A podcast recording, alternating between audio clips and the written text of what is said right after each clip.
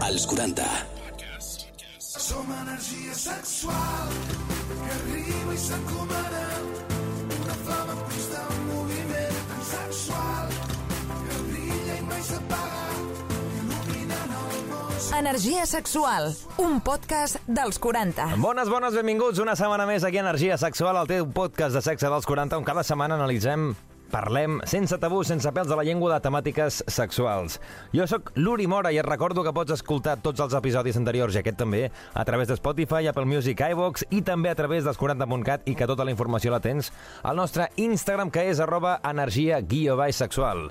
I que també, com sempre, gràcies als nostres patrocinadors a l'agenda sexydream.es, la teva botiga virtual on trobaràs qualsevol tipus de producte sexual i que t'enviaran a casa de forma discreta. I avui és un programa diferent, un programa no com els altres, sinó perquè avui no tenim seccions, sinó que tenim una convidada que ens parlarà sobre sexe a l'època de postpart i que ens donarà tots els detalls també des de la seva experiència. Ella és l'Alba Carreras, també la coneixes com a creadora de Criar.cat, una comunitat de criança per famílies de tota mena, i també de La Mare del Tano. I moltes coses més, que ara en parlarem amb ella. Benvinguts, benvingudes, això és Energia Sexual. Som-hi!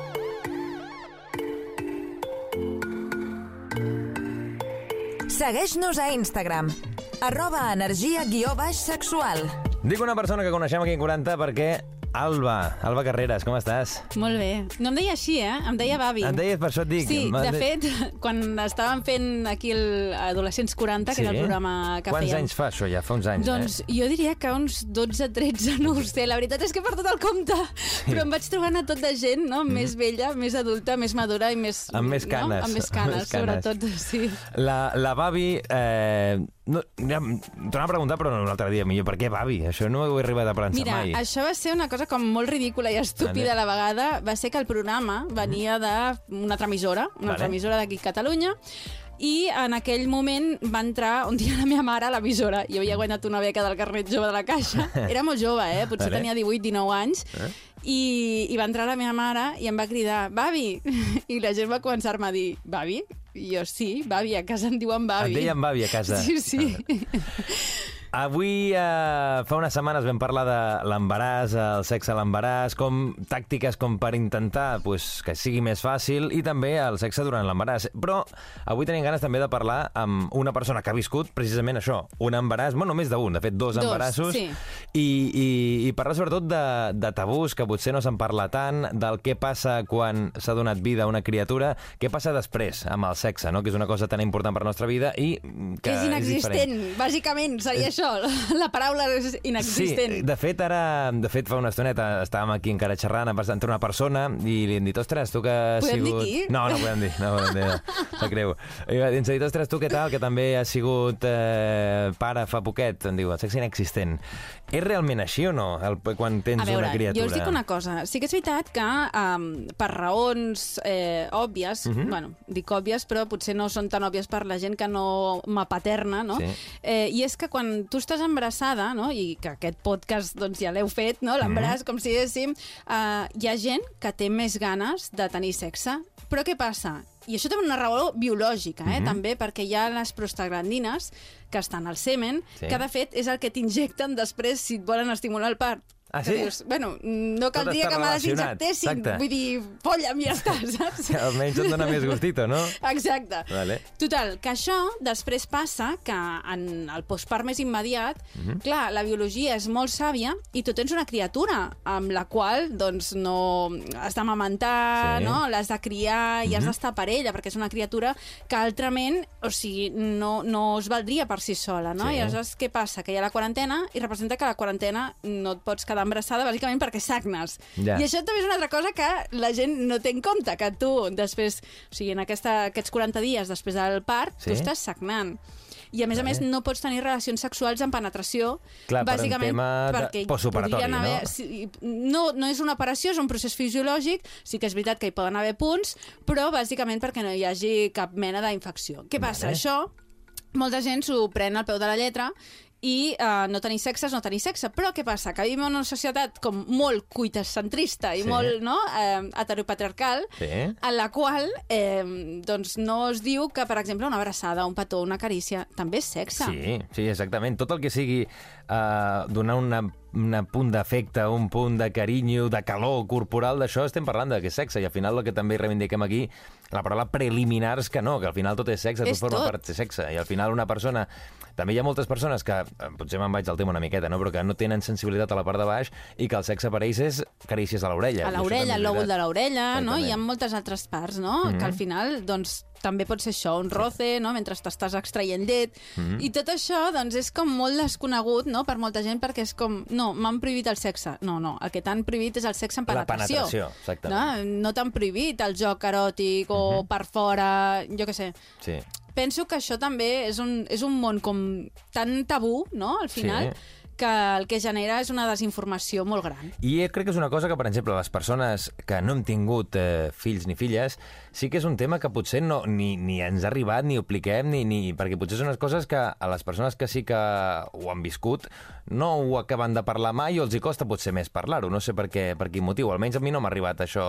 No, no, No t'ho han he- explicat, no? no? m'ho explicat, exactament. Potser tampoc no ho he preguntat mai, no? però és una cosa que no, sé, no es parla en l'ambient, no és una cosa que no s'ha normalitzat totalment, no? Mm, I també hi ha aquesta part biològica en el sentit de que, um, clar, al final el sexe biològic és per procrear, no? Sí. Vull dir, al final és per tenir, reproduir-te. Si ja Sí. t'has reproduït, en aquest moment la teva libido està pels terres. Vale. I tu l'últim en què penses és en tenir sexe, Vale. sexe en penetració, perquè potser necessites més dormir, menjar o cobrir altres necessitats teves bàsiques, no? que no estan cobertes en aquell moment. I també perquè tens una criatura, dos o les que t'hagin tocat, que, que li has de destinar pràcticament el 99% de la teva vida. Totes les teves energies. I aleshores la teva parella, si és que en tens i no ets mare soltera, Sí. eh, doncs passa a ser part del teu equip. És a dir, és Ja, una peça clau que ha de fer l'altra part del... soci o sòcia, sí, no és- exacte. És el teu company o companya de pis, no? que Sí. aneu al 50-50 i allà, doncs, bueno... Però també és important trobar aquests moments de parella, d'apropament. Ho estic dient i estic pensant, hola, eh, ho he de fer, saps? Que a vegades costa, no? Exacte, sí, de trobar aquests moments d'intimitat, de parella, de sortir de la rutina, no? Perquè al final, com diu la Shakira, no fue culpa tuya ni culpa mía, la fue la monotonia. monotonia, exacte. Perquè t'has explicat això, que són els, aquesta quarantena, aquests 40 dies més o menys, que no pots tenir eh, penetració, però després d'aquests 40 dies no sé què passa, perquè, clar, jo m'estic imaginant, no?, el cap d'una mare, no?, que ha tingut, eh, diguem, una, però potser dos o tres criatures, o, o més, fins i tot, que el, el cansament, el, el canvi hormonal que has patit en els darrers mesos, tot això, l'estar cansada i tot el rotllo, potser fa que, com tu dius, que l'últim que et vingui de gust és, és tenir sexe, sí, no? i el teu propi cos i la teva percepció corporal. Mm. Jo me'n recordo la primera vegada que vaig tenir la meva criatura, que em vaig veure de sobte partida per la meitat, amb la cesària, vale? amb les meves tetes xorrejant. sí que és veritat que aquí hi ha també no? el, el mite de que quan estàs embarassada les tetes et creixen moltíssim, Sí. moltíssim, moltíssim. Amamantes, les tetes et continuen creixent moltíssim, moltíssim, moltíssim, i de cop i volta fan... Fuuup, Això és real? Hola. Vale. Això, vull dir, passa, no?, cada Vale. cop i volta quan... mm, I clar, et mires al mirall, no?, i amb Sí. els quilos de més i tot, que et deixa el, el postpart, no?, perquè Sí. tenim com el cap que una vegada has parit et queda el cos com la Kate Middleton, i no, Sí. per favor, pobra Kate Exacte. Middleton, que es va haver de posar una faixa allà apretadíssima per sortir i posar els mitjans, no. Sí. El que ha de fer una mare després és descansar, perquè a lo millor pot ser que no tornis a recuperar el teu cos d'abans, i és Exacte. normal, és completament normal. El que passa és que aquesta societat també ens impulsa a que després de ser mares el nostre cos torni a ser com abans, i no és així, perquè el teu cos té una cicatrius, Sí. té un, no? al final la teva pell ha crescut, Mhm. i no es pot tornar a quedar tal qual estava. No? Aleshores hi ha una pressió estètica molt gran també amb els cossos de les I és dones. un tema que jo volia parlar, sobretot això quan acabes, pues això, quan has tingut el fill o filla, el teu cos canvia. És indubtable que canvia i aquell cos no torna a ser mai el mateix perquè, ostres, ha patit una sèrie de canvis. I potser sí que l'estigma que la societat ens dona és que, ostres, ja no ets perfecta, ja no ets eh, la dona d'això, i això és una cosa que ens hem de treure del cap, perquè al final cada Exacte. persona és atractiva i, i s'ha de sentir atractiva. I potser jo crec que els hi passa potser a algunes mares, no?, quan acaben mm. tot aquest procés, que es miren al mirall i no s'acaben d'agradar perquè són diferents de com eren un any enrere, no? I això és un cop O que els s'ha de- llavis, també, Exacte. no? Vull dir que queden com més penjant, no? Mhm. Perquè al final, doncs, s'han dilatat, no? Eh, I dius, ostres, eh, hi ha moltes dones que, inclús després de, de recuperar la seva vida sexual eh, amb la seva parella, eh, volen fer-ho amb la llum apagada, perquè Vale. els fa vergonya que, Que les vegi, vegin. no?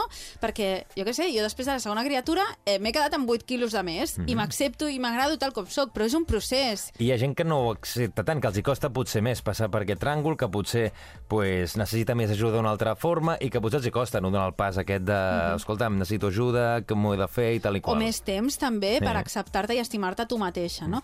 I després hi ha l'altra banda, que pot ser també fisiològicament que tinguis molèsties, i això hi ha moltes dones, i no es parla prou, eh? Que es queden amb, amb molèsties, no? Em, sobretot doncs, a, a la vulva, a nivell... Bueno, que, que clar, que al final si t'han posat punts, doncs tens uns punts allà que fan mal Sí, o que jo- poden fer mal, Jo no? tinc una operació al genoll i el genoll mai, mai ha tornat a ser igual. Pues, està bé, molt bé, eh? però no és el mateix, ja. Exacte, sí, sí, o, o de la cesària, no? Al final, si t'han fet mm, cesària, tot i que no m'agradaria normalitzar-les, no? Ja. Perquè, vull dir, té les, és una operació, no?, Mhm. a la qual doncs, et parteixen per la meitat, bàsicament, però que també, al final, no?, eh, quan fa certes postures, hi ha dones que, que els pot arribar a fer mal, no?, Mhm. eh, aquesta, aquesta operació. Exacte. Eh, I a més a més, visualment, no? que, que, ostres, que el teu cos queda, queda partit per la meitat. Penso que tot això és important, no?, de cara com acceptar eh, com ets, Mhm. com, com ets després de ser mare, no? I m'agrada molt una frase de Paola Roig que diu quan eh, neix una criatura també neix una nova mare, no? Exacte. Perquè al final eh, et reconeixes tu com a persona i sembla un tòpic i molt típic, però t'enriqueix també a, en tots els àmbits, també en el sexual, perquè potser tens menys quantitat, però la qualitat doncs, eh, pots arribar a ser més bona perquè Mhm. t'arribes a, a, en aquest autoconeixement, no? Un altre tema que, que volia tractar amb tu és que, clar, tot això hem dit, aquest procés que vas canviant, Sí. però clar, el sexe és una, part- una part importantíssima de les persones. Com, o no sé, des de la teva experiència, com recomanes que la gent intenti pues, tornar a recuperar tota aquesta, aquesta energia sexual que tenim i que s'ha de tornar a activar, no? Malgrat tot el que ha passat. des de la normalitat i la sinceritat. Si no et ve de gust, dius, no, no és que no em ve de gust, no? I mica en mica eh, aprendre a t'estimar a tu mateixa, perquè si no t'estimes a tu mateixa i et cuides i aquestes autocures cap a tu mateixa, no podràs tampoc. Això sembla també molt, Mhm. molt típic, però al final és que és així. No podràs estar bé amb una altra persona si tu mateixa no No estàs bé amb tu t'acceptes, no estàs bé... amb el teu cos, no? amb, mm -hmm. amb la teva sexualitat, també. Exacte. I és algo que no fem prou penso, Ja. no? de, de tenir-nos cura de nosaltres mateixes, saber què ens agrada a nosaltres. Ostres, l'altre dia eh, penjava a cria.cat eh, una enquesta, no?, de saps on està el teu clítoris? Eh, Sí. saps, coneixes els teus genitals, no? I et va sorprendre dels resultats, no? Sí, et toques a tu mateixa Sí. i dius... Però com, Com pot ser pot que ser? no ens coneixem, no? A més a més, la, la maternitat, el part, és una part de la teva sexualitat molt important, Sí, sí. no? I si nosaltres, com a mares, com a dones, no coneixem els nostres genitals, no alfabetitzarem genitalment les nostres criatures. Mhm. Exacte. I direm, mira, la patata, mira, no?, a les margarites. La, la patatona i el, El pitu. El, el pitu, el... Sí, no? exacte. I, I al Que s'han final... de dir, vull dir, des les- que el nen neix o el nena, nom. pel dia endavant. Sí, sí, sí, I, i sembla com que no li hagis de dir, no, t'aixugaré, jo què sé. No? És, un- és, una, és una altra part del cos, al final, Mm. I, i, no? I sobretot que s'ha d'educar des del principi en la sexualitat, que no que al final el que ha passat en moltes societats, que cada cop anem millorant, però que encara, òbviament, falta molta feina, és que els joves i les joves, quan creixen, el sexe és com una cosa tabú. Que això és Exacte. una cosa que s'ha de treure. Dir, el sexe no és una cosa tabú, és una cosa que es pot parlar i que s'ha de parlar i que és com, si tu t'agrada el futbol, pots parlar de futbol, si t'agrada el sexe, parles de sexe, i que no tinguis aquest estigma de mira aquest depravat o aquesta depravada que no para de parlar de sexe. I penso que des de la primera infància s'ha d'educar tot plegat Mhm. i s'ha d'educar doncs, des d'aquesta manera respectuosa. Òbviament, no li diràs a una criatura de sis mesos, mm, jo què sé, el Hola, clítoris, exacte. tal... No, Això es fa així? No, home, no. No, no li explicaràs, no? Tot el, tot el procés, Mhm. però sí de mica en mica, doncs si, jo què sé, eh, li estàs aixugant la vulva amb Mhm. una toallita, no?, de poder-ho dir, poder-ho verbalitzar, igual que si li aixuguessis la boca amb una toallita també li diries, no? Exacte. Doncs una mica això. Jo, Alba, et volia fer una pregunta, perquè, clar, eh, al, al tenir un fill o filla, doncs, al principi, òbviament, la, la criatura viu amb els pares, vull dir que viu a la mateixa habitació en la gran majoria de casos, no? I, clar, els pares a l'habitació, els pares, mares o, o les persones que tinguin aquesta pa- criatura, poden tenir sexe, no? Quan hi ha una criatura en allà. No sé com Fins i es, tot com al mateix porta llit. això. Al mateix llit, clar. Fins i tot, clar, si fas collit, Sí, clar, Pensa això, que això com tens la criatura al mateix llit, aleshores has de buscar un moment que estigui dormint, Mhm. un espai adequat, no? De vegades és, jo què sé, al menjador, a la Vale. dutxa, jo què sé. Al final, no? Eh, buscar els 5 buscar- minutets eh, sí. aquest, perquè al final aquí també jo crec que es busca una cosa molt més ràpida perquè en qualsevol moment saps que la criatura pot despertar i has d'anar més a preu fet, no? I per això també et deia que potser també eh, la qualitat no, millora, en el sentit de que no hi ha tanta qualitat, no es, fa, no és tan pim-pam, vinga, va, no sé Ja. què, saps? Sinó que és com més originalitat, Es degusta no? molt més, això. Imaginació al poder, és un moment que tots dos en teniu ganes perquè l'esteu esperant, Mhm. perquè si l'aneu cultivant amb una carícia, amb, jo què sé, un tocament, no? allò Mhm. dissimulat, no? Sembla que a vegades tornis a tenir 15 anys. Exacte, és el punt de les primeres vegades, no? Aquest Exacte, punt de sí. descobrir, d'anar jugant de amb la no et persona. pots trobar, no? No t'acabes de trobar, però vas jugant, no? No? Amb missatges o el que sigui, i quan arribes a casa, o quan els nens dormen, o quan fan la migdiada, no? Mhm. Els dissabtes a la tarda que van a l'esplai. La, les, les, les, les extraescolars del, dels nens i nenes, que després ens hem assabentat que no eren extraescolars per al nen o nena, sinó que era una excusa per... Escolta'm, deixa'm una estoneta per, pels pares, també, no? Però la relació de parella s'ha de cuidar i és molt important que sigui així, perquè si no passa no, que els Terrible 2, quan la criatura fa dos anys, els mal anomenats Terrible 2, tampoc Sí. pobres, tampoc és que... Però, però passa que moltes parelles se separen. Per què? Perquè, ostres, eh, ja hi ha prou tensions no, per aquesta búsqueda d'identitat de la criatura eh, no? la, la falta de qualitat de sexe i de quantitat també doncs, fa que, entre moltes altres coses, eh? I, sa, I sobretot que acabes... Això que has dit també al principi fa una estoneta, que la teva persona que tens al costat acaba convertir-se en un soci, entre cometes, i no com un amant, que és el que ha sigut tota la vida. Sí, sí. No, jo venia cap aquí i li deia a la meva parella mm, tinc ganes de tu com a nòvio, Exacte. saps? Que potser estem en un altre àmbit, que és sí, de, de, sí, de cuidar. Sí, de cuidar, de cures, no? De, mm. pues ara té les criatures ell, eh, després anirem a casa, farem el sopar, no sé què, eh, no? banyeres, o sigui, com una mena de rutines com superintegrades. Sí. I també tens ganes de sortir a sopar amb aquesta persona, de, jo què sé, poder-te'n anar al cine, al teatre, o el que sigui, de fer vida de nòvios, saps? I això és una cosa com que de tant en tant s'ha de poder fer, no? Al final, doncs, si tens els avis a prop, ajuden bastant a poder recuperar aquesta, no?, ambient de parella. Sí, ho diuen això, que un cop eh, ets pare o mare, a partir de llavors ets pare o mare i després, tot el que hagis fet després, la teva professió, el teu àmbit, tot. Però això ja ve després. Tu ja Sí. has de ser primer això, mare o pare. I sobretot a les dones ens passa, no? Perquè, um, clar, vull dir, al final no és només culpa com de- d'aquest permís, sinó d'aquesta societat patriarcal que fa que no et tornin a trucar a les feines, i t'ho dic perquè m'ha passat, Per no? experiència. Per experiència pròpia de que no et tornin a trucar o, o que d'alguna manera estiguis més invisibilitzada, no? I la tasca de cures recaigui pràcticament al 100%, si no el 90%, també és veritat que el nadó, eh, el primer any de vida, no, està molt vinculat amb la figura Òbviament. materna, no, perquè és la seva díada I i no nou entén... mesos allà a, a dins, connectats. sí, exacte. O sigui, a banda de la, de la gestació i a l'exogestació, que és eh, 9 mesos a dintre, 9 mesos fora, no? Mhm. I és aquesta unió, aquest vincle que ha de tenir la mare, i això ha de ser així. I aquesta societat no ho respecta prou, no?, aquesta, aquest vincle. Home, jo crec que tindrem per fer un altre programa sencer. Per exemple, quantes vegades potser en una entrevista a les persones femenines d'entre 25 a 35 anys a l'entrevista de feina els hi pregunten si tenen pensat ser mares, que és una Sí, cosa que és totalment. com... Tu què t'importa, això? Exacte. Això si fos un és un home, li tema. preguntarien? Mai, mai. A mi no m'ho han preguntat mai. I tinc persones de la meva generació que sí que els hi han preguntat sent, òbviament, femenines. Bueno, això ja et dic, és un altre programa que podríem destinar, però perquè és Sí, una cosa sí, sí. molt bèstia. Però vaja, això... Eh, ens anem a centrar en això i sobretot també, per ja acabar fent l'última pinzellada. Això que deies, pots tenir relacions sexuals amb la teva criatura al mateix llit, però què passa si aquesta criatura s'assabenta d'això? No sé com això es gestiona, com ho gestionaries tu, per exemple. Bàsicament amb naturalitat. Jo me'n recordo quan era petita, mm -hmm. eh, la meva germana sempre pillava els Sí? meus pares... Espero que no m'estiguin escoltant els meus Feien pares. aposta, eh, clar que... Eh, Sí, i, i mm, penso que parlar-ho amb naturalitat, no?, i, i dir, ostres, el papa, la mama, les dos mames, els dos papes s'estimen... Eh, ja no, cal, no fa falta estimar-se per tenir sexe, això també Sí. penso que és una cosa que, depèn de quina edat tinguin, eh, se'ls hi pot dir, no? Mhm. eh, simplement eh, tenen aquest desig i volen satisfer-lo, no?, i volen satisfer-lo amb aquesta persona podríem aprofitar també per parlar perfectament de consentiment, no? De fet, el consentiment s'hauria d'educar des de la primera infància. De vols, no vols, mm, si no vols fer una, un petó a la tieta, no cal que li facis. Clar, ostres, és una altra bona aquesta, perquè No? de petita et deien dona-li un petó a, No, a aquesta no persona vull, que no ja coneixes, està. i tu deies, què he de fer això? Exacte, penso que és una bona oportunitat també per educar en aquest consentiment, no? I d'altra banda, eh, penso que també pot ser una bona oportunitat per trencar aquest tabú eh, del sexe. També és veritat que pot ser complicat si la criatura està entrant com a la preadolescència o l'adolescència, que potser són uns temes que li fan vergonya. Pots dir-ho. A mi també m'ha fet vergonya Sí. que em veiessis així amb amb el teu pare o amb la teva altra mare.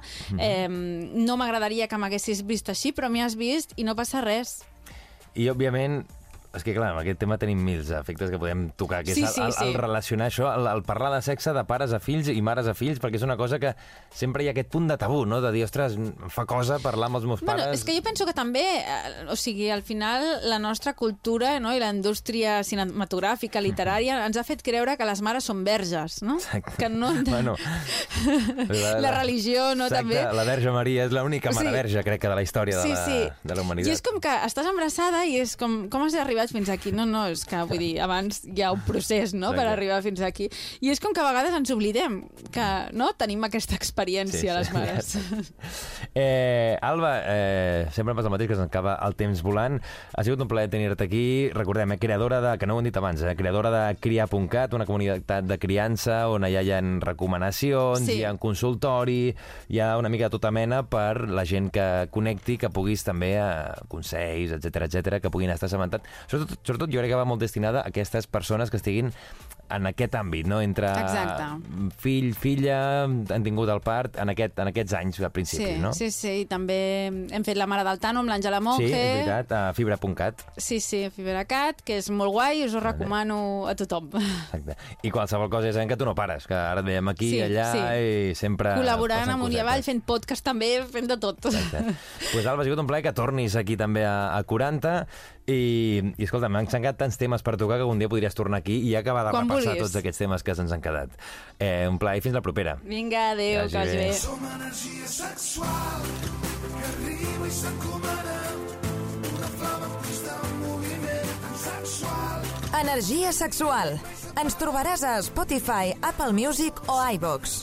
Família, ha sigut un plaer acompanyar-vos una nova setmana més aquí a Energia Sexual, el podcast de sexe dels 40 i que pots escoltar sempre a Spotify, Apple Music, iVox i a través del nostre web, que és els40.cat. I, òbviament, qualsevol cosa a través de xarxes, arroba energia guió sexual.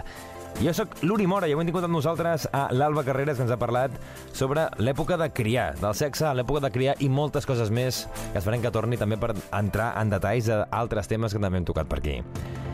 La setmana que ve més, i com sempre, gràcies als nostres patrocinadors a sexydream.es, la teva botiga virtual, on trobaràs qualsevol tipus de producte sexual i que te'l portaran a casa de forma totalment discreta.